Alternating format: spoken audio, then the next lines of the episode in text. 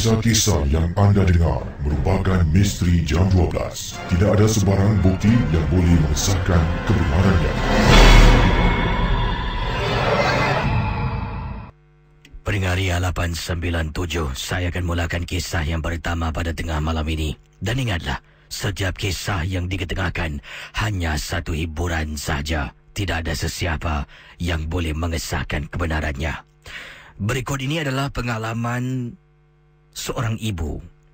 Mungkin sekarang ini hatinya dalam keresahan, hatinya dalam kerisauan kebimbangan. Anak yang disayangi telah pun terlibat dalam satu kemalangan jalan raya. Dan katanya ibu ini pengalamannya cukup menyedihkan. Anak beliau dari seorang ibu yang ingin hanya dikenali sebagai Kak Wati, bukan nama sebenar. Tolong jangan sebutkan nama yang tertera di alamat email KC. Jadi kata Kak Wati seorang ibu yang bukan nama sebenar berkongsi pengalaman anaknya yang telah pun terlibat dalam satu kemalangan jalan raya. Anaknya telah pun dikejarkan di hospital dan berada di hospital lebih kurang dua bulan dalam keadaan tidak sedarkan diri. Dalam keadaan koma. Seorang ibu hanya boleh berdoa dan mengharap yang terbaik. Akhirnya, dua bulan lebih kemudian anaknya mungkin telah pun dihidupkan kembali, disedarkan dari komanya. Beliau bersyukur kepada ilahi, tetapi kisi, anak saya lumpuh. Seluruh anggota badan, hanya mata sahaja boleh bergerak. Makan, minum semua melalui tiup. Memang cukup menyedihkan.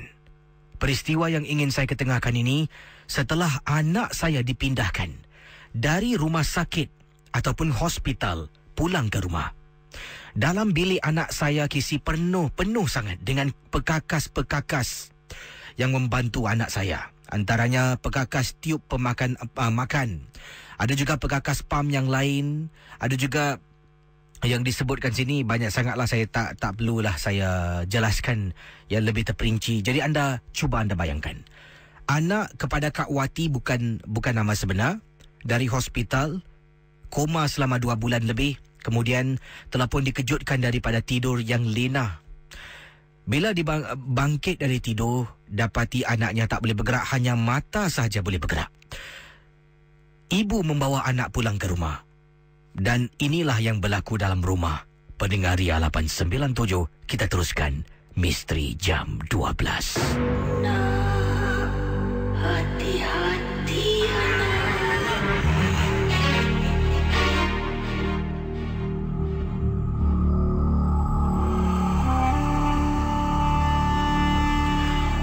Casey.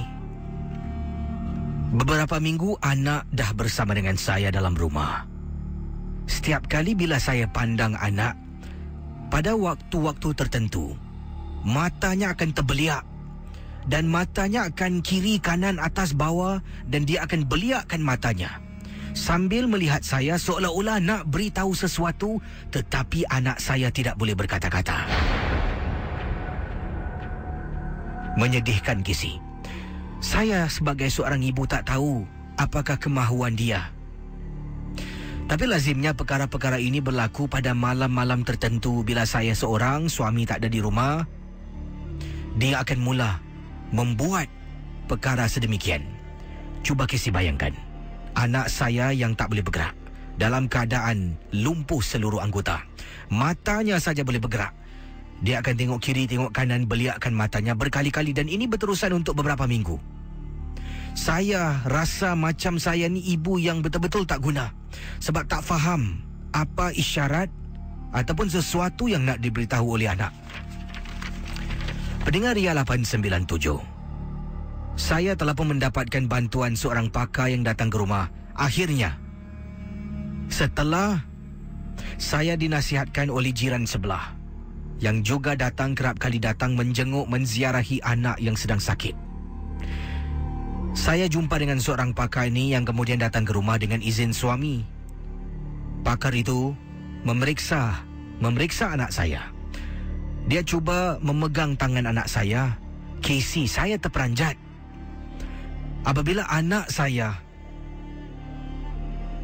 mula membuka mulutnya, tetapi walaupun kata-kata yang diluahkan oleh anak saya tidak begitu jelas, seolah-olah suara-suara angin. Pakar tersebut dekatkan telinganya ke mulut anak saya sambil dia baca dan terus baca. Anak saya Kisi membaca apa yang pakar itu baca. Pendengar Ria 897 dipendekkan cerita kata Kak Wati. Rupa-rupanya mengikut pakar itu memberitahu. Dia rasalah sebab dia dapat berbual sedikit dengan anak. Dalam rumah saya, Kisi, rupa-rupanya ada benda ikut dia pulang. Dari tempat terjadinya kemalangan. Kata pakar tersebut, Orang yang terlibat dalam kemalangan yang sama telah mati meninggal dunia di tempat kejadian. Dan mungkin roh warga Cina yang mati di tempat kejadian telah pun mengikut anak saya sampai pulang ke rumah dari hospital sampai pulang ke rumah. Dan memang masuk akal. Maksud saya kata Kak Wati pernah beberapa kali saya nak datang ke hospital nak ziarah anak saya sedang saya berbual dengan nurse, saya terperasan macam ada wanita Cina sedang duduk di tepi katil anak saya ketika dia berada dalam ICU. Saya fikirkan pada mulanya itu kawan rakan anak saya. Tapi bila saya sampai saja nak masuk dalam ward anak saya, wanita Cina itu hilang entah ke mana. Berkali-kali kalau saya nampak, tak kali nak berjumpa mesti tidak dapat saya berjumpa dengan beliau dan mungkin roh wanita yang wanita Cina yang mati itu telah pun mengikut anak saya pulang kerana tak tenteram tidak tenteram dibuatnya mengganggu saya dan anak saya sekeluarga. Mungkin itu yang dia nampak kata pakar tersebut yang memberitahu saya supaya semah rumah Kisi saya telah pun menyemah rumah saya dengan bantuan pakar yang saya panggil yang disarankan oleh jiran sebelah. Sejak rumah disemah Anak saya tidak lagi mempunyai reaksi yang menakutkan. Mata terbeliak seolah-olah memberitahu saya sesuatu. Itulah pengalaman saya kisi peristiwa dan sekarang ini anak saya masih lagi terbaring di atas katil dan hanya tunggu masa untuk kembali ke rahmatullah. Terima kasih. Kisah-kisah yang anda dengar merupakan misteri jam 12. Tidak ada sebarang bukti yang boleh mengesahkan kebenarannya.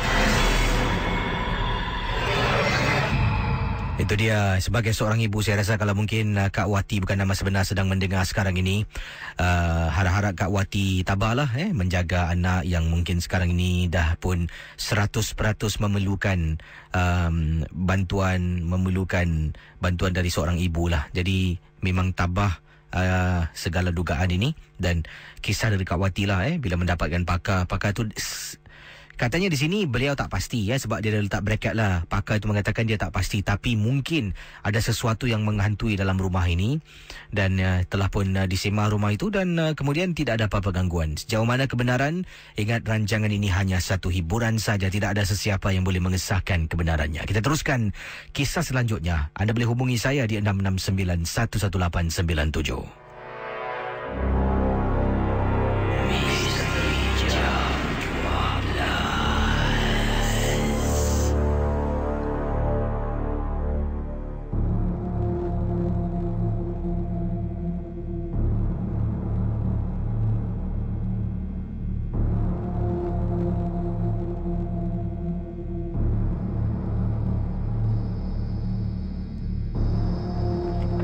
Ria 897 Tajuk cerita yang selanjutnya dalam kiriman email Yang saya terima ini Tajuknya diberikan di sini eh uh, Serik tinggal hotel murah yang dikirimkan oleh seorang pendengar namanya uh, Shaliza berkongsi peristiwa pengalaman. Kata Shaliza, beliau dan tiga orang girlfriends, ya, iaitu kawan baiknya lah.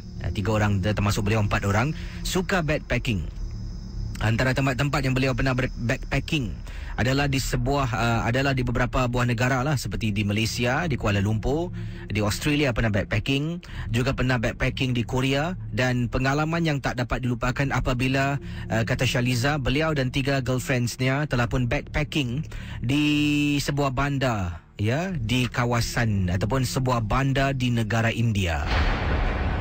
Uh, jadi kisah yang dikirimkan oleh Shaliza bila backpacking ni kami fikirkan tentang bajet KC sebelum saya menjerumus kepada pengalaman saya dan rakan-rakan. Bajet. Hotel tak mampu. Sebab itulah kami memilih untuk backpacking. Kami akan tinggal di motel-motel murah. Sebenarnya pengalaman kami backpacking memang banyak KC. Sampailah satu kali ini kami pertama kalinya pergi ke India, menjejakkan kaki di India. Nak pilih motel kisi kawan saya ni itu tak nak ini tak nak sebab tak tahulah. Mungkin agaknya ada sesuatu yang tak kena. Akhirnya jodoh kami dengan sebuah motel. Motel kecil yang hanya tinggi tujuh tingkat saja. Harganya murah. Dan kami memilih motel tersebut sampai di lapangan terbang di India kisi. Lebih kurang waktu tempatan sekitar pukul 2 petang. Dari lapangan terbang, kami pun menaiki teksi yang menghantar kami ke alamat motel yang disebutkan. Lelaki warga India yang memandu teksi berbual dengan kami. Dia kata, dia tanya pada saya, first time in India? Kami pun bertiga, kami pun berempat mengatakan yes, first time. Be, uh, be, uh, kemudian dia tanya saya, backpacking? Yes, backpacking. Very good. You can go here, go here. Dia ceritakan tentang keadaan ataupun kawasan-kawasan yang kami boleh kunjungi untuk backpacking. Bila sampai di hotel ini, tiba-tiba dia tengok saya dengan kawan saya. Mana ada Casey, pemandu teksi. Yang sedang memandu duduk di hadapan. Bila berhenti saja, dia tengok kawan saya. You stay here? This hotel? Yes. Ah, be careful. Itu yang dia katakan pada saya dengan teman-teman. Saya tanya why? Nothing, nothing. Just be careful. Here, katanya di sini, kawasan yang saya tinggal ni katanya banyak perompak. Yalah, yalah. Terima kasih, terima kasih. Saya pun bayar duit taksi, kami pun keluar. Masuk ke dalam hotel tersebut, kami daftar nama, kami diberi bilik di tingkat empat. Motel tersebut ada satu lift saja, Kisi. Lift tu turun naik lah. Jadi kalau kadang-kala nak tunggu lift tu turun bila dia naik ke atas tingkat tujuh, lama Kisi dibuatnya. Dan bila dah sampai lift, kami pun naik ke atas bilik. Bilik kami sebelah ujung sekali. Berjalan menuju ke arah bilik, koridornya gelap gelita. Kiri kanan ada bilik. Semua pintu ditutup. Tapi bilik-bilik yang lain semua sunyi sepi. Hotelnya kisi. Lampu sama-samar saja. Bila sampai di depan bilik kami, saya pun ketuk pintu. Dan beri salam. Assalamualaikum. Dan sebagainya kata beliau. Masuk ke dalam bilik tersebut, saya buka lampu, tengok luas juga bilik motel ini. Saya dengan teman-teman terus tak fikir benda-benda yang bukan-bukan, kami berebut katil. Sebab ada katil yang di atas, satu lagi dua katil tarik di bahagian bawah. Saya nak tidur atas katil, semua berlari ke arah katil. Bila malam hari tiba, kami berempat berada dalam bilik hotel ataupun bilik motel sedang duduk berbual-bual sambil channel hopping nak menonton televisyen.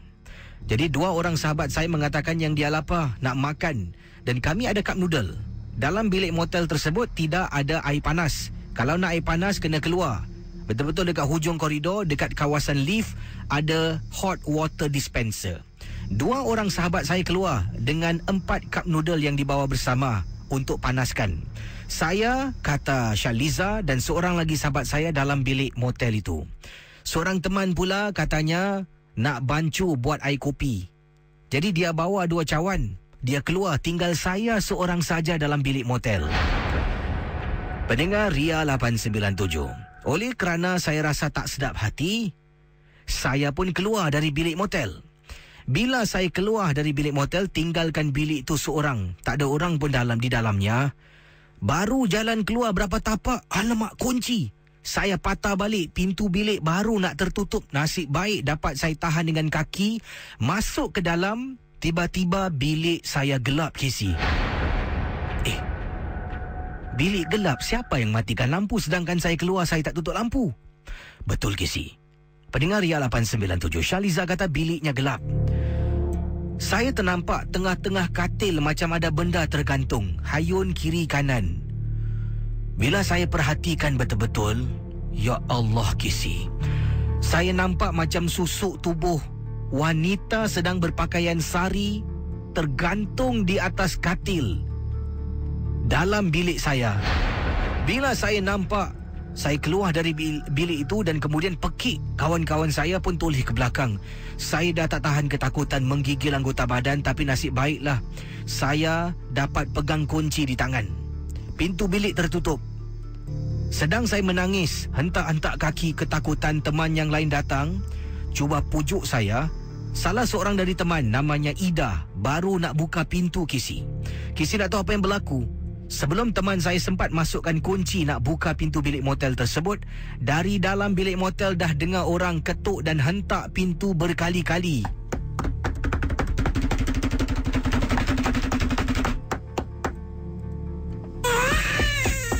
Kemudian mendengar Ria 897 FM. Apa yang berlaku?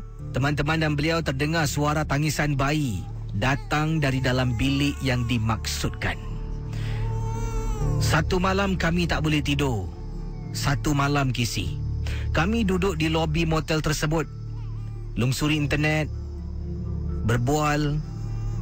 Dan kami tanya penjaga hotel tentang bilik kami. Dia sendiri pun tak tahu sebenarnya apa yang berlaku.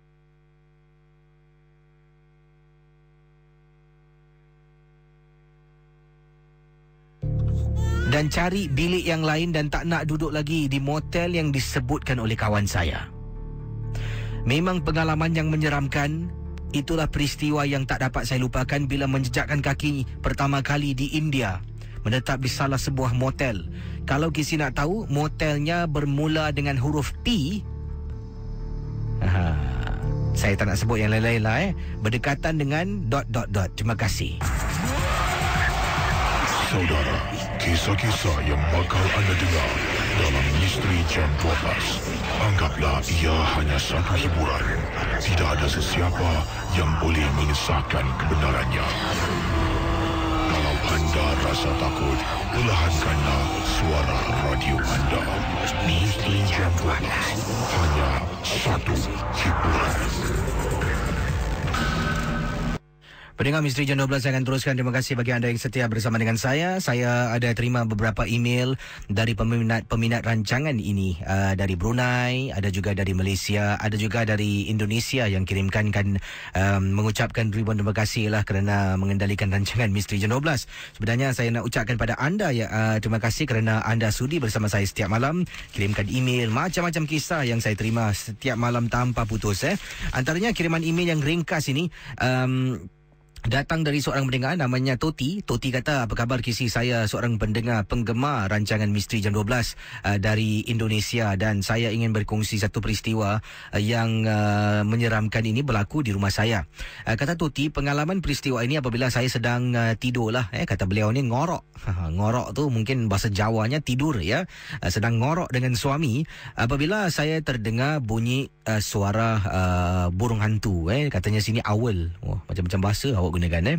Dan uh, Tuti kata saya terbangun terjaga dari tidur dan apabila saya uh, terjaga dari tidur saya pun uh, cuba melihat uh, di luar tingkap uh, bunyi burung hantu tersebut. Bunyinya memang jauh kisi, tapi boleh dengar mengganggu tidur saya yang sedang nyenyak. Ya, jadi bila saya bangun dari katil, saya langsung ke depan tingkap bilik, kemudian ataupun depan tingkap kamar tidur saya. Saya pun menolak tingkapnya keluar dan um, di belakang rumah saya memang ada banyak pohon. Saya pun mula mendongak ke langit dan melihat pohon mana yang ada bu- bunyi burung tersebut.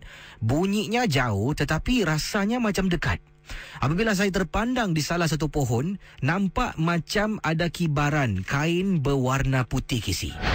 Aku tidak bohong kisi. Sebenarnya aku memang nampak kain berwarna putih berkibaran bila ditiup angin. Sesaat kemudian katanya Toti, aku ternampak kain yang sama tiba-tiba lompat ya dari satu pohon ke pohon yang lain bila ternampak keadaan sedemikian, aku terus uh, langsung pusing dan tutup jendelaku, kemudian uh, tidur sampai ke awal pagi. Bila tanya suami, uh, semalam ada tak dengar bunyi burung hantu? Suami aku kata tidak uh, kedengaran apa-apa. Itu saja pengalamanku dan misteri jam 12 is the best. Terima kasih pada Toti pendengar kita dari uh, Indonesia ya. Indonesia bagian mana tak beritahulah. Mungkin dari Batam ke, mungkin dari Jawa Barat ke ya. Terima kasihlah. Uh, dan yang lain-lain uh, yang sedang mendengar siaran Misteri Jam 12 terima kasih diucapkan. Yang ini kiriman daripada siapa ni? Uh, okey. Abang Baba katanya. Wah, Abang Baba kata um, apa ni? Hmm, mana ni? Ah, ni dia. Abang Baba eh kirimkan SMS pada saya katanya apa khabar Gisi dan juga semua peminat rancangan Misteri Jam 12. Nama saya Abang Baba, saya ingin berkongsi satu peristiwa ketika saya ni uh, nak memotong rambut se- salah seorang uh, customer saya ataupun pelanggan saya. Patut nama dia Abang Baba eh sebab dia bertugas sebagai baba. Jadi Abang Baba ni mengatakan, kedai saya waktu tu dah nak tutup 9.30 malam. Memang waktu kedai saya tutup 9.30 malam. Jadi datang seorang pembantu rumah. Uh, dan pembantu ni lari meluru masuk ke dalam kedai saya. Katanya, "Bang, bang, boleh tolong tak potong rambut potong rambut ibu saya?" Jadi saya mau tutup deh. Saya cakap dengan pembantu tu lah. Dia kata tolong bang, tolong bang. Ini ini penting bang. Nanti mem marah. Jadi saya pun okeylah okeylah cepat. Masuk seorang makcik tua jalan terketa-keta. Perlahan-lahan dia jalan. Kemudian dia duduk di tempat depan saya dan inilah pertama kali saya potong rambut perempuan sebab kedai baba saya ni memang tak potong pun rambut perempuan. Dan oleh kerana ni seorang makcik tak apalah anggap sebagai seorang ibu. Saya pun ambil gunting mula nak potong rambut makcik yang sedang duduk jalan terketa-keta awal tadi. Saya basahkan rambutnya dulu. Saya spray lah sembuh dengan penyembuh air. Pembantu rumah sedang berdiri di luar menggunakan telefon di luar kedai saya. Saya pun mula nak potong Kemudian makcik ni Casey Alangkah terperanjatnya saya kata Abang Baba. Kepala makcik ni boleh pusing Hampir-hampir 180 darjah. Casey saya tak bohong Casey Kepalanya pusing perlahan-lahan Perlahan-lahan. Kemudian hampir-hampir 180 darjah Dia tengok saya Siapa suruh kau gunting rambut aku? Saya letak gunting tepi saya panggil, Bibi, masuk. Bibi, masuk. Pembantu itu yang sedang menggunakan telefon di luar kedai masuk. Pak, kenapa enggak gunting rambut ibu? Saya enggak boleh gunting rambut ini ibu. Kamu bawa dia keluar sekarang dari kedai aku. Casey. Pembantu tersebut memimpin tangan makcik tu jalan perlahan-lahan terketa-keta. Itulah yang membuat saya rasa muskil. Itu saja pengalaman saya Casey. Terima kasih dari Abang Baba dan yang hairannya saya jumpa mereka sekali dalam semua hidup saya menjadi seorang baba di kedai itu selama 15 tahun. Sekali saya jumpa mereka. Selain dari itu tak pernah pun terserempak, nampak malah mereka datang ke kedai saya tak sama sekali. Terima kasih. Mhm. Seram pula eh kalau dapat eh pelanggan macam tu eh. Dalam makcik tu terketa-keta mukanya krepot eh. Dia pusing, kenapa kau potong rambut aku?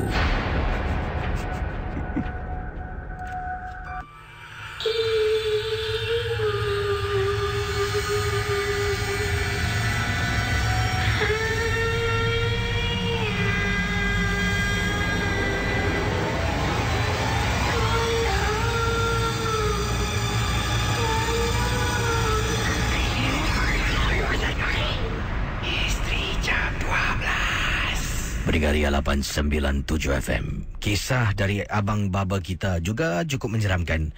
Bagaimana kepala makcik yang tak boleh berjalan terketa-keta tu eh boleh pusing hampir 180 darjah lah. Kita paling-paling pun 90 darjah kita boleh pusing. Ini hampir. Maksudnya tulang makcik ni lembut sangat lah sampai boleh bu- buat macam tu eh. Ha, sampai abang baba kita tergamam babe. Terus tak nak potong ah. Rambut makcik dah basah ni. Baik bersama dengan saya di ujung talian pada tengah malam ini. Hello selamat tengah malam Kirana apa khabar? Uh, saya Kirana. Ah apa khabar? Ah, Sihat? Khabar baik. Ah ni buat panggilan dari mana Kirana? Uh, daripada rumah. Hmm ada pengalaman tentang apa Ah, silakan. Pengalaman dua cerita lah tapi Silakan boleh. Boleh boleh silakan. Ah, saya ada cerita satu. Mhm. Mak saya malam tu sakit semput. Mhm. Jadi dia dah semput. Jadi dia cakap dengan saya nak makan ubat semput je lah. Mhm. Dia sesak nafas.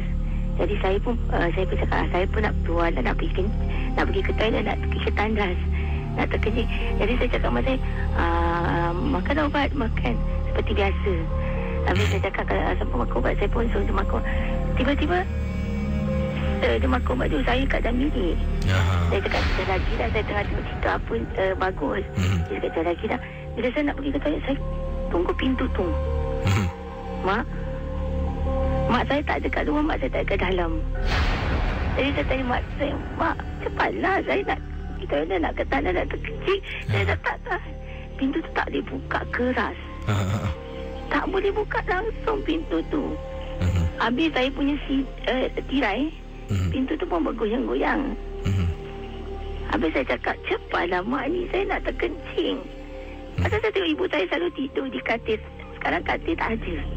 Hmm. Jadi saya fikir dia dekat toilet, uh, toilet, uh, toilet saya ketuk-ketuk. Tengok masa saya buka, mak saya memang tak ada. Mak saya sebagai mak saya cakap, mak saya memang tak ada kat toilet tu. Jadi Tapi siap. saya dengar bunyi flash uh, toilet tu dan bunyi air toilet tu berbunyi. Eh gangguan ni sekali aja lah dalam dalam rumah tu. Ah, sekarang dua, Ada ada susulan gangguan-gangguan yang lain ke? ah, ah, gangguan tu macam memang selalu ada sampai kita Hmm. kat rumah tu tahu ayat-ayat. Ah. Pas, pas sampai lima jam ayat kita taruh. Mhm. Pasal ada, selain tu benda macam perempuan tu se, macam macam-macam lah. Kadang-kadang dekat pintu dia masuk. Mhm. Jadi memang benda tu ada. Jadi kita ni duduk dalam rumah ni macam duduk tak ada sejak saya dah jadi tua ni. Mhm. Rumah tu jadi macam ada benda-benda Saya pun tak tahu apa yang masuk. Mhm. Pasal dalam rumah ni memang ada gitu-gitu. Kadang-kadang saya masak pun saya nampak macam ada benda-benda macam sekilas jalan. Mhm. Jadi kita tak boleh buat apa kan Kita tahu ayat-ayat Kita panggil Ustaz-ustaz tu cakap uh, Rumah tu kena selalu orang baca-baca lah Mhm. Jadi tak ada bunyi-bunyi ni semua Yang lagi satu Saya nak ceritakan Adalah pasal anak patung Mhm.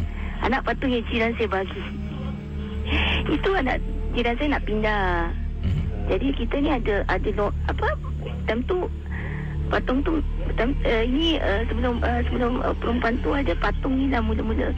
Kita uh, Jiran tu nak pindah Lawyer. Dia cakap ah, Tak nak lah benda-benda ni. Jadi saya pun ada anak Zara yang berumur kecil-kecil. Uh, 6 tahun. Uh, uh, 8 tahun.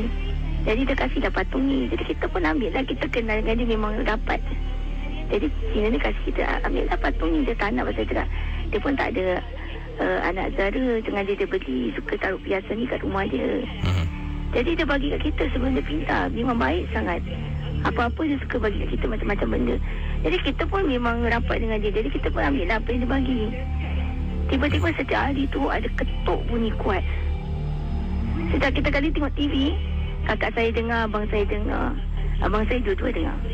Kakak saya pun Pun dengar Dan kita semua dengar bunyi ketuk tu setiap hari jadi kita kita pun dah tahu dah, dah biasa setiap kali malam pukul 12, pukul 1 gitu mesti bunyi ketuk-ketuk tu. Kuat. Mula-mula kita tak tahu kita pun minta tengok, kita buka pintu. Fikir ada orang pasal abang saya pun yang satu tu kerja malam. Suka balik macam 2 2 3 pagi. Jadi dia kerja malam jadi kita pun tak tahu benda tu. Sekali tiba-tiba kita nampak. Kakak saya pun dengar bunyi ketuk-ketuk. Jadi besoknya kita pun macam biasa lah buat macam biasa. Sekali besok lagi. Sekali kita nampak patung tu boleh ter dia terbang. Bergerak. Patung tu terbang. Patung teddy bear tu dia terbang dan dia, dia boleh terbang di awan-awan. Saya dengan kakak saya terpekik. Habis mak saya cakap tak ada apa-apa. Mak saya tak dapat dia, mak saya tak percaya. Mungkin satu hari mak saya pun nampak. Mhm. Patung tu daripada ke ujung dia ke corner sana dekat kita punya tempat uh, meja tu. Dia berpindah. Jadi kakak saya pun kakak saya yang nombor nombor dua tu dia marah dia bilang buang sajalah walaupun kita kenal orang tu yang bagi orang tu betul. Tapi buang aja. Tapi kita degil tak nak buang. Jadi satu hari tu kita nampak anak patung tu pula joget-joget bergoyang-goyang. Jadi sejak tu mak saya cakap mesti buang patung tu. Patung besar tu besar, besar daripada kita orang. Mhm. Jadi mak saya cakap mesti nak buang patung tu. Memanglah kadang-kadang uh, mak saya cakap apa tu penunggu dia tak suka dengan kita. Tapi dia suka dengan dia tak suka dengan orang tu tapi dia suka dengan kita. Jadi mana orang yang dia tak suka yang dia suka tu katnya dia buat kawan lah mak saya cakap. Jadi kena buang bila bila kita buang abang saya pun dah tak dengar, mak saya pun dah tak dengar, semua tak dengar. Bunyi-bunyi tu. Dan pintu pun tak ada orang ketuk-ketuk. Jadi pada mula air itulah. Uh, sebab tu uh, mak saya cakap jadi sejak bulan ini kalau orang kasih patung ke apa kita tak akan ambil. Kita cakap uh, tak apalah ben, uh, tak nak lah pasal kita pun kita yang cakap tak apalah dah rumah pun dah banyak mainan. Sebab kita pun dah, dah, dah serik. Hari-hari ganggu sampai tak boleh nak tidur. Setiap kali kalau tidur semua semua macam takut. Macam tak boleh tidur lah benda tu macam hari-hari macam hari-hari masih ket- ketuk-ketuk ganggu kita. Sampai bunyi tu bunyi bising. Dan sampai kan mak saya cakap sampai kan benda tu boleh bergoyang dekat atas awan tu.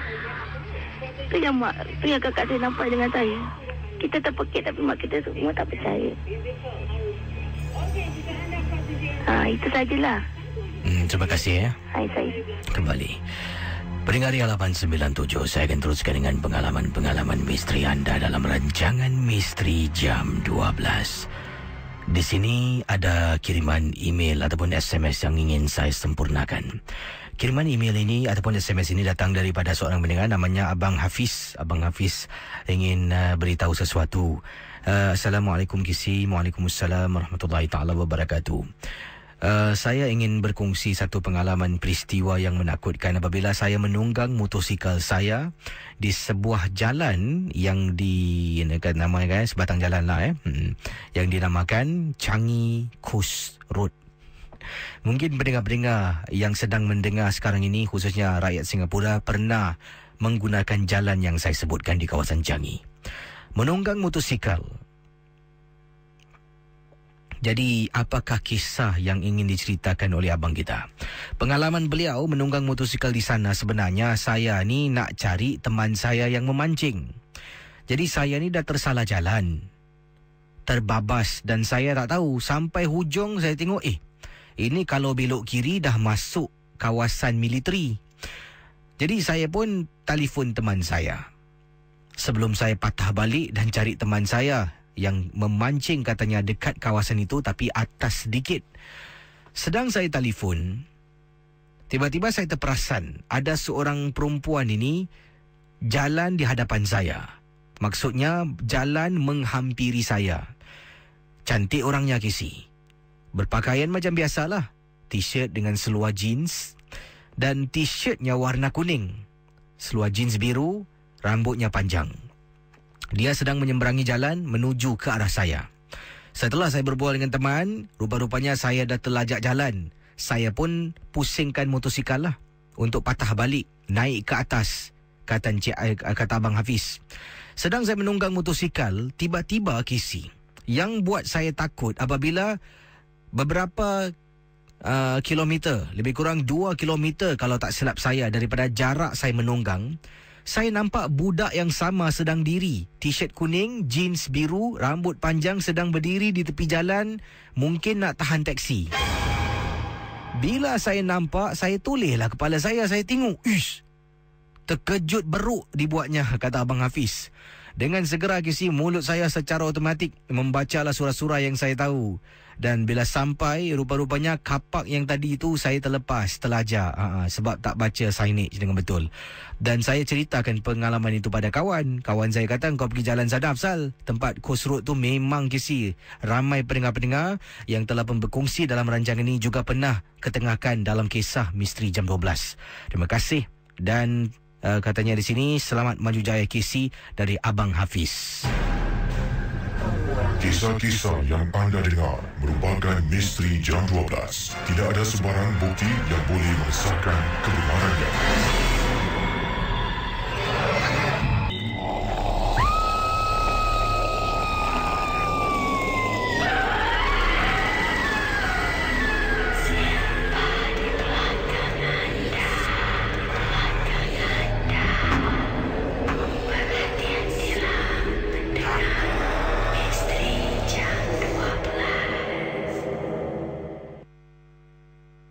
Terima kasih kepada para pendengar Ria 897 yang sedang memantau stesen kami Ria 897 FM dengan kisah-kisah seram pada malam ini rancangan Misteri Jam 12 yang uh, sedang mendengar melalui aplikasi di uh, iPhone anda mungkin ya uh, melalui uh, iaitu aplikasi yang diberi nama Mi Radio ataupun di Android Market. Uh, cakap tentang aplikasi iPhone ni uh, tahukah anda eh, uh, setiap hari Uh, ini secara purata setiap hari uh, kalau di App Store kan ada top free download kan uh, dan satu hari itu 6 juta top free download akan berlaku eh sekitar secara purata macam itulah 6 juta bib.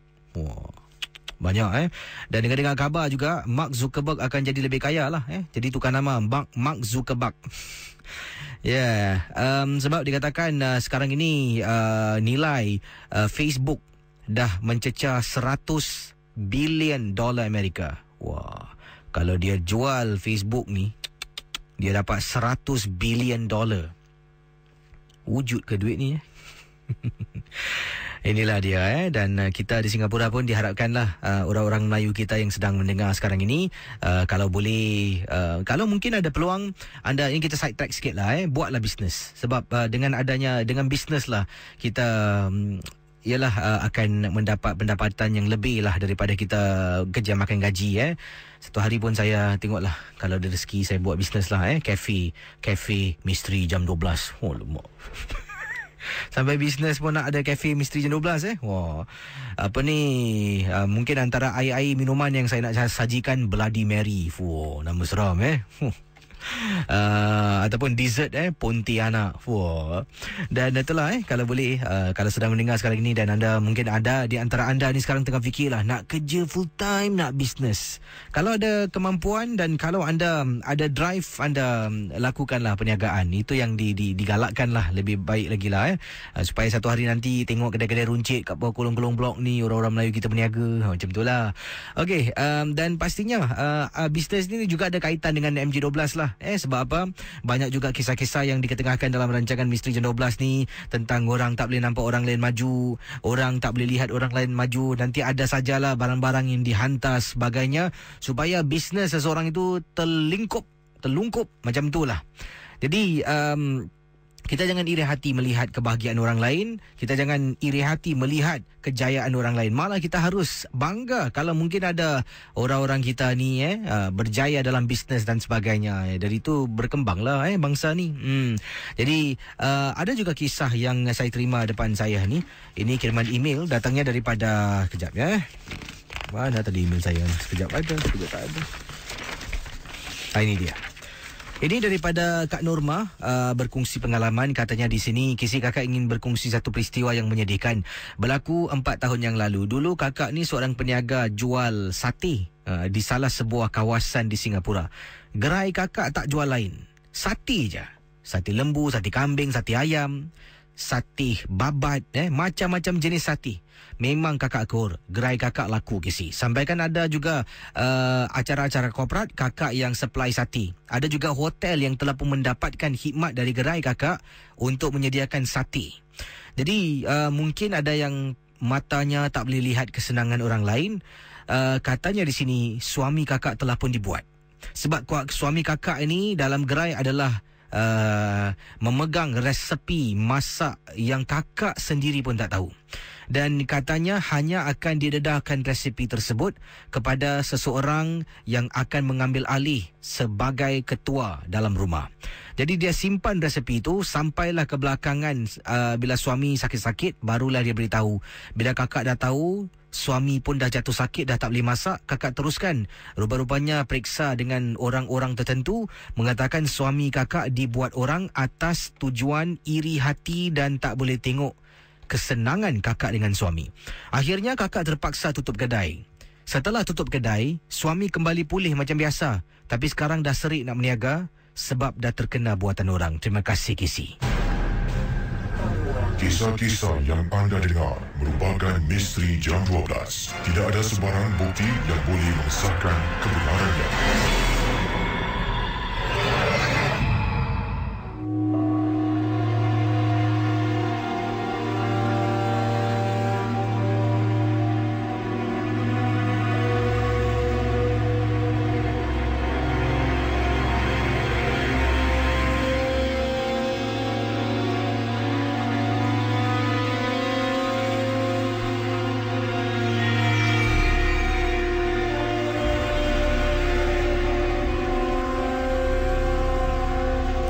Area 897 saya akan teruskan pengalaman peristiwa. Yang ini pengalaman daripada seorang keluarga eh ataupun sebuah keluarga ini berkongsi. Uh, yang ini kiriman SMS ingin saya sempurnakan datangnya daripada Kak Zawiyah berkongsi pengalaman peristiwa. Kakak, suami dengan tiga orang anak waktu itu sedang menonton filem seram Kom Kom di kaca TV. Dan sebenarnya kami menonton filem Kom Kom ni, uh, VCD ni telah pun dibeli oleh anak kakak ketika dia pergi ke seberang tambak. Jadi apa yang berlaku setelah menonton filem tu, rasa takutlah. Bukan saja kakak, malah dua orang anak gadis kakak pun rasa takut. Duduk rapat sangat. Sampaikan abang dengan bapaknya tak boleh tahan. Setiap kali ada sin hantu, mesti mereka terpekik terjerit ketakutan. Jadi bila dah tamat selesai kisah ataupun filem Kom Kom, semua nak tidur. Kakak dengan adik masing-masing ada bilik sendiri. Abang pun ada bilik sendiri.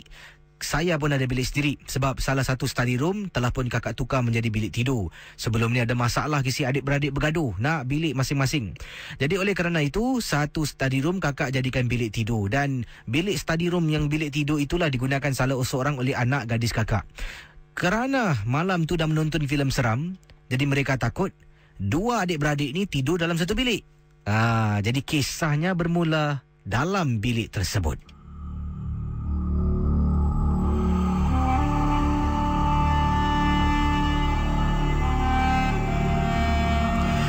Pendengar Ria 897. Kakak bangun pukul 3 pagi. Apabila kakak keluar dari bilik kakak nak pergi ke dapur nak minum air sebab kehausan kakak memang kisi. Tengah malam akan haus nak minum air. Biasalah orang kencing manis macam ni. Jalan depan bilik anak kakak lah. Ada dua bilik kan kakak kakak katakan.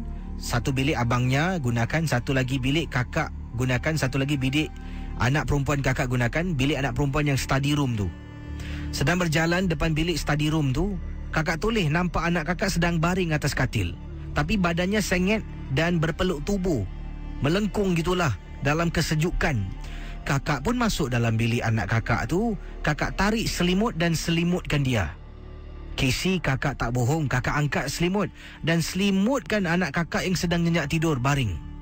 Kemudian kakak keluar dari bilik. Bila keluar dari bilik, ah nak tengok anak satu lagi lah. Yalah kalau tengok yang ni, tak tengok yang tu, rasa bersalah pula. Kakak pun buka pintu bilik anak satu lagi ni.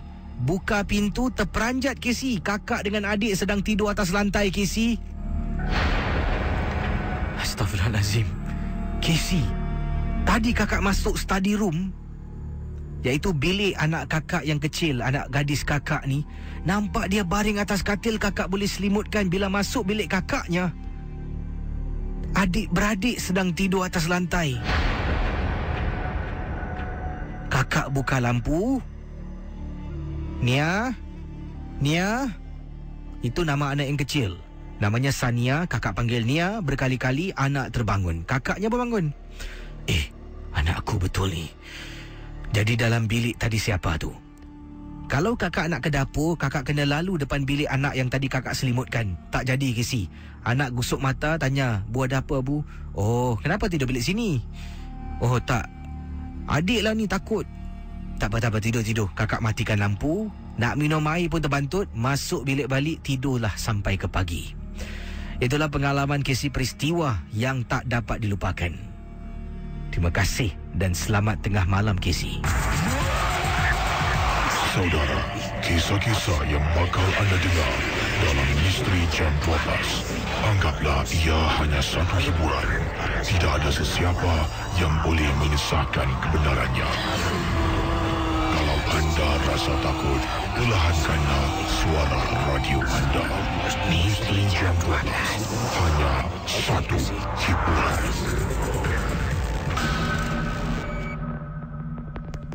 Okey, mendengar Ria 897 Macam-macam kisah eh Kakak tadi kirimkan SMS uh, Kisah pengalamannya dalam rumah Hei, seram betul eh Ayo yo, itu dia um, kisah pengalaman yang tak dapat dilupakan oleh akak kita dan anaknya. Jadi kalau anda seorang ibu lah dalam keadaan sedemikian dalam uh, peristiwa yang diceritakan sama, um, mungkin study room anak kakak tu di bahagian depan koridor, ya bilik satu lagi di bahagian belakang.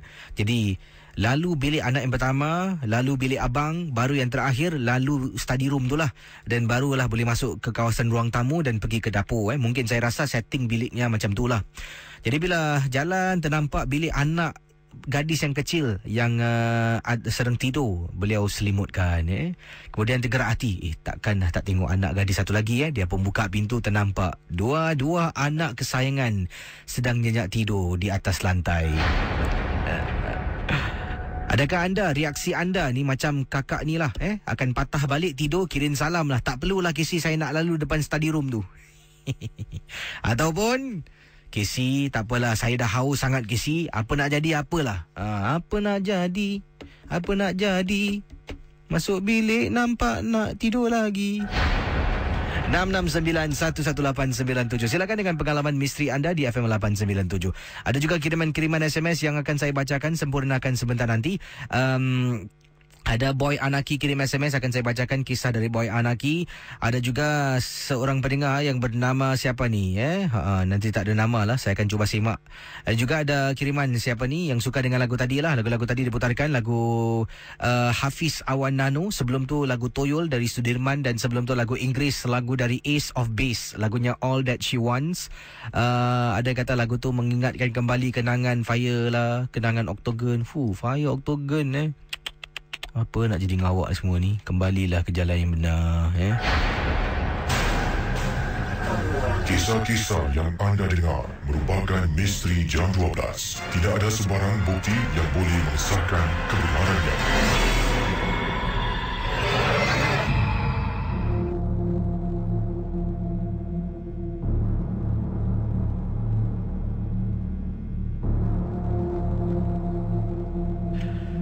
Perkara 897 Saya akan teruskan dengan pengalaman misteri anda dalam rancangan MJ12 Bersama dengan saya kita ada Cik Ami di hujung talian Apa khabar Cik Ami?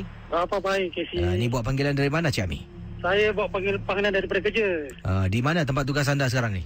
Uh, saya di bandar, di Raffles Place. Oh, di Raffles Place, bandar dan uh, pengalaman anda tentang apa? Silakan. Pengalaman saya tentang saya dulu masih perkhidmatan negara Aha. di Pulau Tekong. Aha, aha. Masa tu saya malam Jumat lah. Hmm.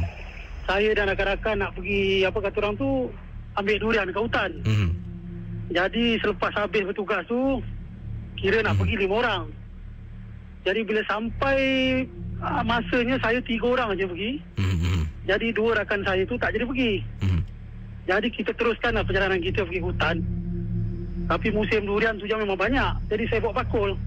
Aha. Nak sampai tujuan pergi tempat hutan tu makan masa setengah jam. Hmm.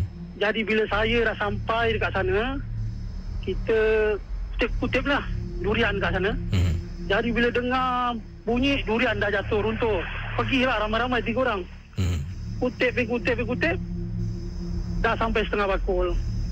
Tapi yang heran tu saya ternampak dua rakan saya tu yang tak jadi pergi dekat bawah pokok. Hmm. Jadi bila saya panggil, panggil, panggil tak jawab. Hmm. Saya tengok diam saja. Jadi kawan saya yang lain tu suluh lah. Dia cakap apa yang kau pegang kat tangan kau? Kali saya pegang saya rasa batu nisan you see.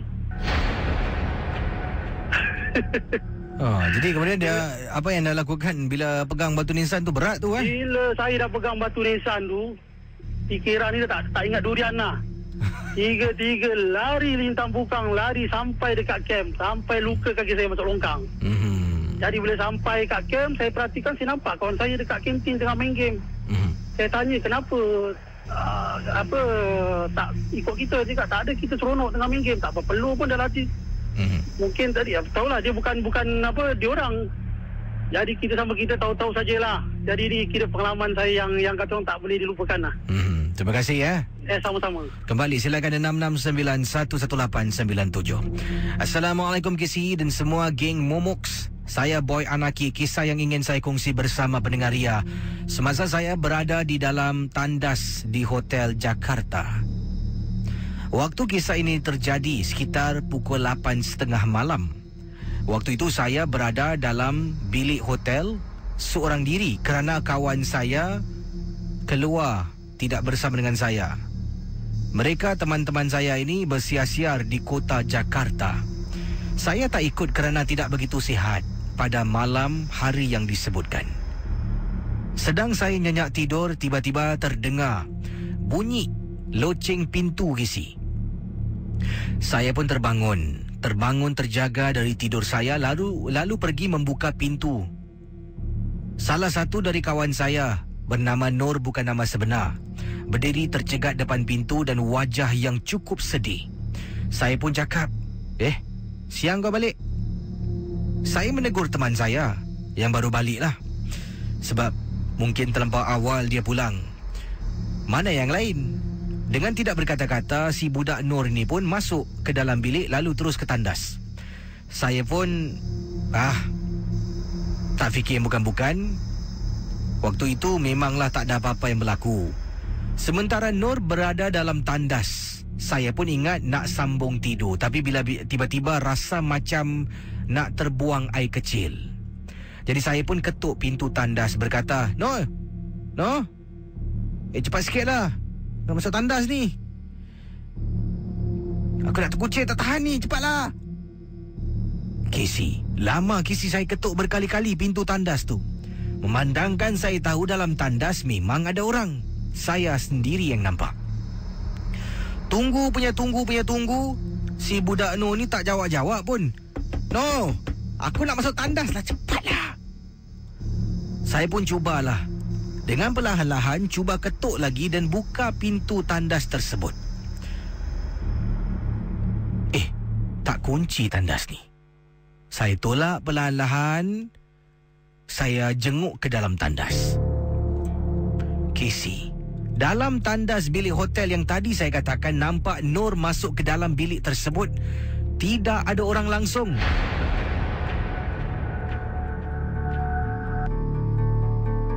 Casey nak tahu apa yang berlaku?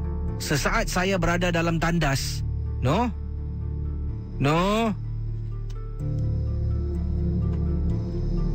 No? Pendengar Ria 897 FM. Kata Boy Anaki, tiba-tiba bila berada dalam tandas terdengar suara seseorang bercakap.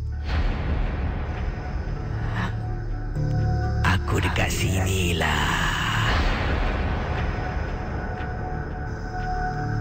Bila saya keluar, saya ternampak kisi.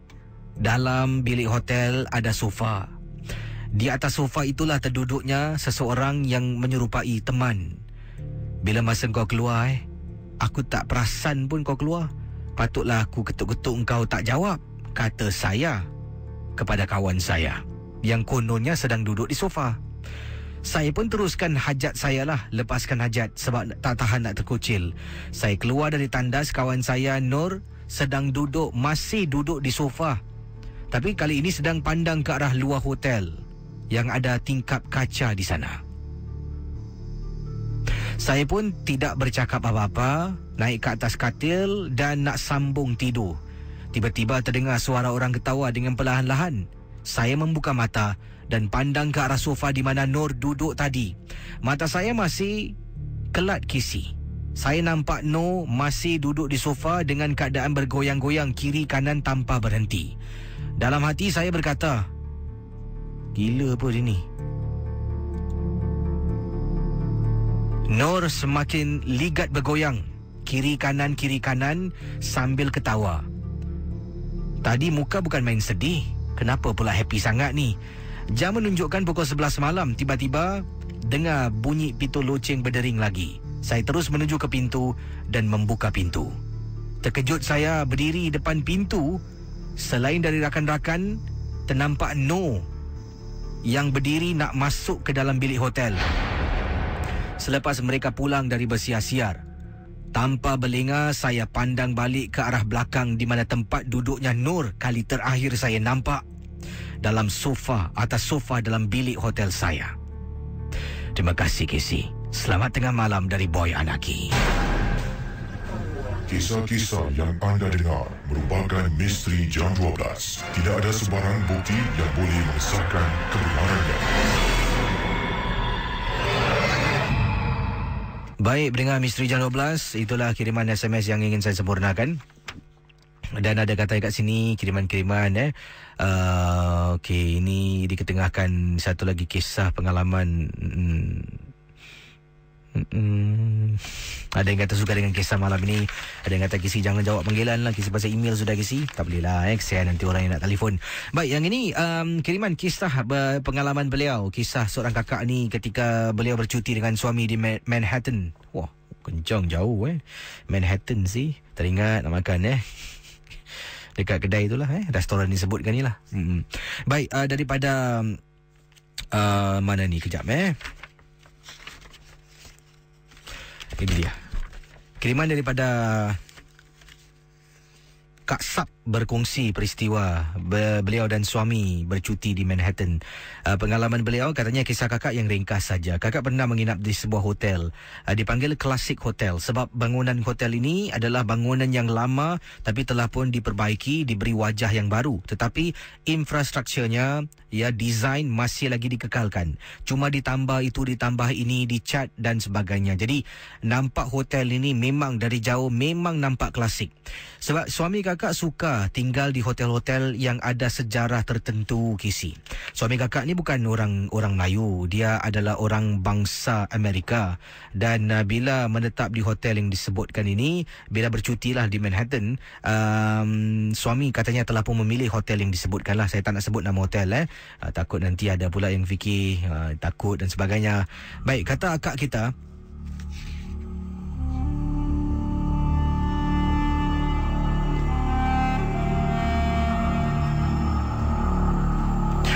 Kisah kakak tak seseram mana Kisi. Cuma kakak ingin ceritakan pada malam yang kedua apabila kakak dengan suami sedang tidur.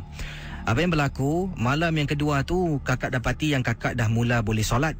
Jadi kakak memang kebetulan lah ada bawa sejadah dengan kompas nak dirikan solat dalam bilik dalam hotel yang dimaksudkan. Waktu tu suami kakak sedang ambil wuduk dan kami nak solat berjemaah dalam bilik hotel. Apa yang berlaku kata akak kita ni sedang suami azan. Sebelum ni malam yang pertama suami solat tapi suami tak azan. Suami hanya bila masuk masuk waktu azan dia yang sembahyang seorang lah. Tapi setelah kakak dapat tahu kakak dah boleh solat, kakak pun beritahu suami malamnya kami solat maghrib berjemaah. Suami azan kisi, kuat. Bila suami laungkan baris azan yang pertama, kisi dalam bilik hotel kami bergegar almari, katil, perabot-perabot semua bergoyang serentak. Seolah-olah ada earthquake. Jadi kakak dengan suami fikirkan ada gempa bumi. Kami suami isteri lari keluar, buka pintu, lari sampai depan lift dan kakak dengan suami perasan. Bila kami uh, pusing balik, penghuni bilik hotel yang lain semua tak keluar. Cuma kakak dengan suami, dua orang keluar lari.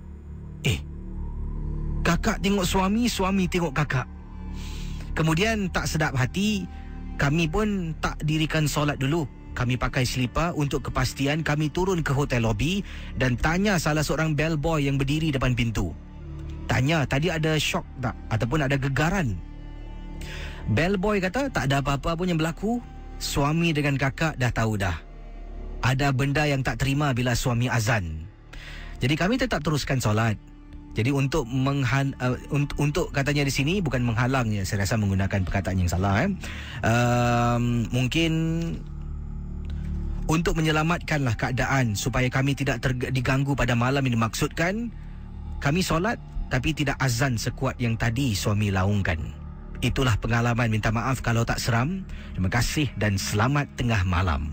Eh, menarik kisah kakak. Terima kasih kak.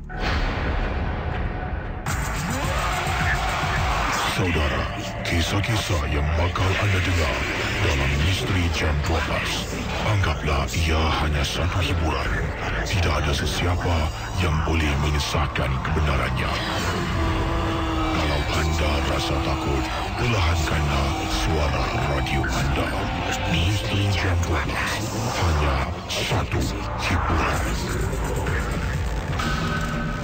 Okey, um, kisah-kisah malam ini semua yang dengar hanya satu hiburan, tidak ada sesiapa yang boleh mengesahkan kebenarannya.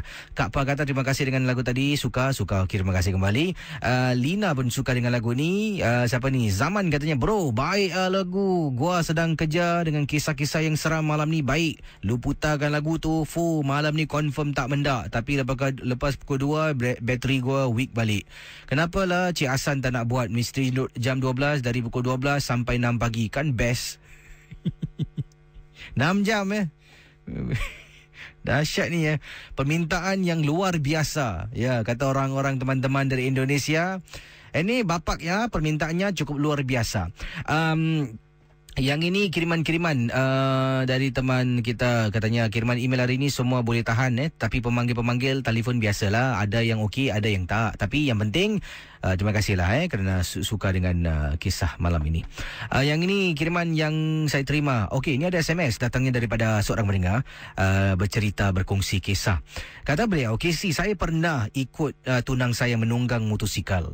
Uh, tunang saya tunggang satu motor, saya motor saya lah. Kami berdua pergi masuk dalam tanah perkuburan."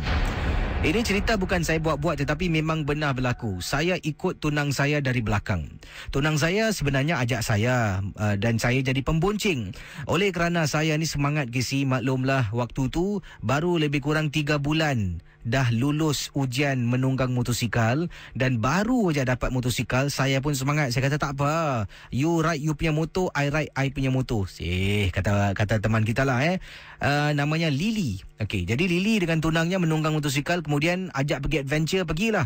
Tempat yang pertama mereka jejakkan kaki ataupun masuk dengan motosikal adalah salah sebuah tanah perkuburan di Singapura. Lily kata bila masuk dalam tunang saya di hadapan. Pada mulanya saya okey, alright, macam biasa Kisi.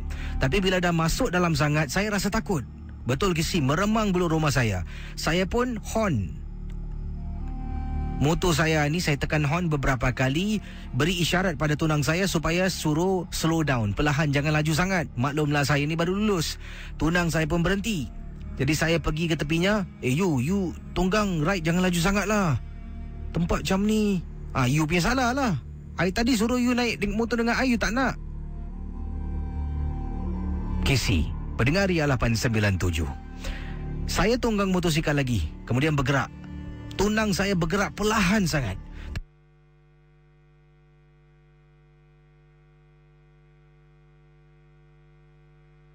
Gi Kata Lily saya dah tak tahan lagi nak teruskan perjuangan masuk ke dalam saya panggil tunang saya sebab dia betul-betul berada tepi saya. You you you, you berhenti berhenti berhenti berhenti. Dia pun berhentikan motosikalnya, saya pun berhentikan motosikal. Apa lagi? You air, air naik dengan you. Habis you baik. Tak apa tinggal sini lah besok lusa ke nanti datang lah ajak my brother ke. You tolong lah you, I takut lah. Tunang saya sampai marah saya kisi. Saya pun menunggang motornya di belakang. Kemudian dia berlalu pergi. Saya suruh dia keluar. Tunang saya belok sebelah kiri. Saya sempat pandang ke belakang. Casey, saya ternampak di motosikal saya ada perempuan sedang berdiri di belakangnya. Dari mana budak tu sampai, datang saya tak pasti tapi saya memang benar. Nampak sekejap sebab terus saya pandang ke arah lain. Pengalaman peristiwa saya ini dijadikan teladan. Kalau nak masuk kubur, motosikal jangan sorang-sorang. Terima kasih. Selamat tengah malam dari Lily, peminat MG12. Kisah-kisah yang anda dengar merupakan misteri jam 12. Tidak ada sebarang bukti yang boleh mengesahkan kebenarannya.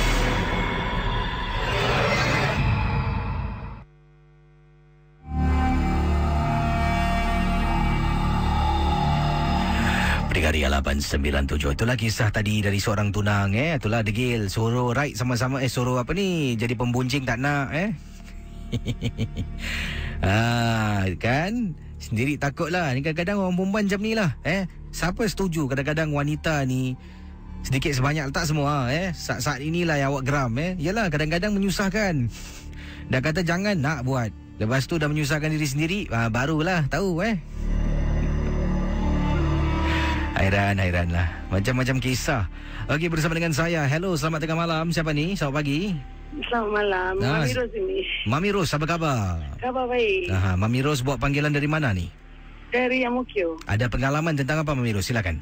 Okey, uh, satu malam tu, uh, Mami tengah jalankan tugas lah di daerah Sengkang. Mhm. Uh, kita tiga orang. Mhm. So, kita on the way balik kat rumah Mami lah. Mhm. So, bila jalan kat situ ada tangga. So, uh, once sama Mami dia kawan cakap naik tangga tu, Mami cakap tak payahlah kita pusing jauh. Mhm. So, once kita pusing jauh, ada satu perempuan Cina tau dia duduk dekat uh, bawah bawah blok kan. Mhm. Kita tengok, Mami mesti tengok tau. Tiga-tiga saksi nampak rambut pendek, baju Hmm. oranye. Mhm. Okay. So once kita pusing belakang, kita cakap dengan uh, one of my friends cakap, eh dia tak ada. Ada. Dia cakap dia tunggu matai dia ambil kat dia. Mhm. Sekali kita tahu bila pusing belakang, tiba-tiba rambut dia jadi panjang, baju dia tukar tak colour. Eh. Ah. Astagfirullahaladzim. Mami cakap dengan dia orang, nasib baik, nasib baik tau. Jalan sikit je dah sampai rumah Mami. Mhm. Mami cakap, eh, jangan, jangan, jangan, jangan tengok lagi. Jalan terus ke sini. Memang kat situ adalah. Pasal kita, Mami one of the uh, parking staff kan. Ah, ah. So kita dah nampak lah semua Semua kita nak cakap. Tapi Casey Ya Allah Nasib baik tak jalan naik tangga Casey kalau naik tangga Betul-betul nampak Betul-betul rupa dia Ah, dia bertukar eh. Dia betul ke Casey Dia pergi belakang Rambut dia panjang Sampai cecah Dia pergi tempat duduk Habis baju dia tukar tak colour Wah. Jadi Casey Mami cakap Ya Allah Kenapa macam ni eh Sampai mama Mami Budak-budak ni selalu duduk Boy, boy deck Tak nak duduk Terus balik Mama Mami duduk sampai pagi Ketakutan tau Eh, ini berlaku tahun bila ni? Baru-baru ni Baru Ah. ah. last two week Ah, jadi hati-hatilah Mami eh. Ah itulah juga Jangan pandang belakang. Terima kasih Mami. Sama Bye Bye-bye, terima kasih. Baik, ini ada kiriman SMS yang saya terima daripada seorang pendengar. Ha, ini dari Acit kata, Bro KC memang betul. Kadang-kadang perempuan ni menyusahkan. Gua dengan gua punya perempuan, fuh, gua-gua nampak. Cubalah beralas sikit eh. Ya, saya dengan saya punya kekasih lah. Saya sedap sikit kan nama tu. Ha, saya dengan saya punya kekasih KC pernah um, saya dan rakan-rakan sebenarnya uh, kami nak masuklah tanah berkuburan nak adventure. Kekasih saya waktu tu ini dia SMS gualu-gualu dengan perempuan. Saya rasa saya tapis lah eh. Jadi sedap sikit telinga dengar. Kekasih saya waktu tu badannya tak bersih. Mm-hmm. Awak guna perkataan ni, ini kesat betul eh. uh, dan saya tak benarkan beliau ikut. Saya kata jangan ikut lah. You dah tahu you badan tak bersih, you nak ikut. Tak nak ikut juga, tak ada apa-apa lah. Jadi Casey mati-mati dia nak ikut. Dan sampai dia buat perangai Casey. Dan dia, uh, kekasih saya ni, kalau dia merajuk nak pujuk Casey, you panggil apa pun lah, tak akan lah. Dia kalau nak cool, dia akan cool sendiri. Akhirnya, dia ikutlah kami. Naik kereta ramai-ramai Casey. Dalam kenderaan, ada empat orang. Kereta yang kedua, di belakang ada tiga orang. Saya dengan kekasih saya kereta di hadapan lah. Teman saya memandu, dia duduk di belakang. Jadi kami pandu sampai dekat tanah perkuburan, semua senyap. Dari kenderaan semua ketawa-ketawa, terkikik-kikik sampai dalam tanah kubur ni semua senyap. Semua tiba-tiba silent on set, kata abang kita Acik lah. Dah masuk dalam saja, saya pun toleh belakang. Nak tanyalah kekasih saya, you okey tak? Bila saya toleh, dia dah duduk pandang cermin tingkap sebelah kanan. Kemudian jarinya dia pintal-pintal rambut. Dia tarik. Dia pintal-pintal rambut, dia tarik. You? You? You? Bila saya pegang pehanya, dia pusing. Hey! Jangan pegang aku. Jangan pegang aku. Casey, rakan seorang lagi yang duduk di belakang sama dengan dia, iaitu kekasih teman yang sedang memandu ni, terperanjat Casey. Jangan pegang aku. Rupa-rupanya kata Acit, tunang saya dah kena rasuk Casey. Yalah badan tak bersih. Masuk tempat macam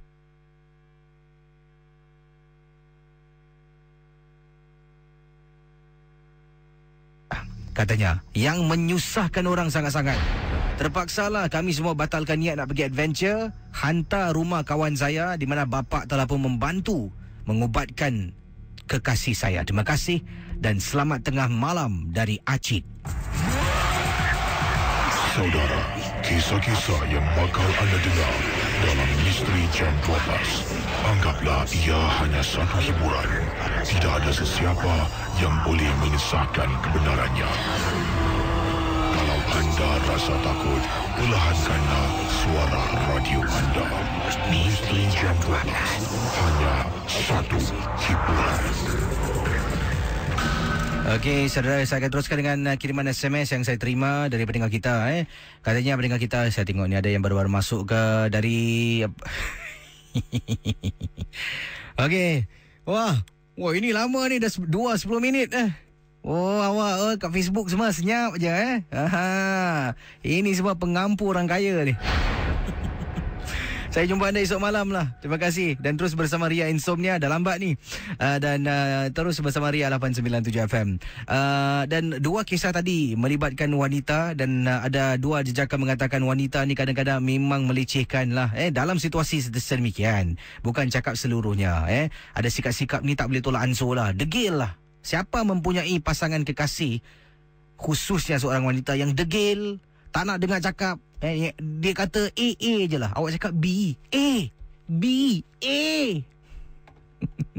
Kalau dapat kekasih macam tu, apa awak buat? Uh, awak cuba balas eh, di Facebook. Saya nak baca ni komen. Terima kasih lah. Dan terus bersama Ria Insomnia. Bye-bye.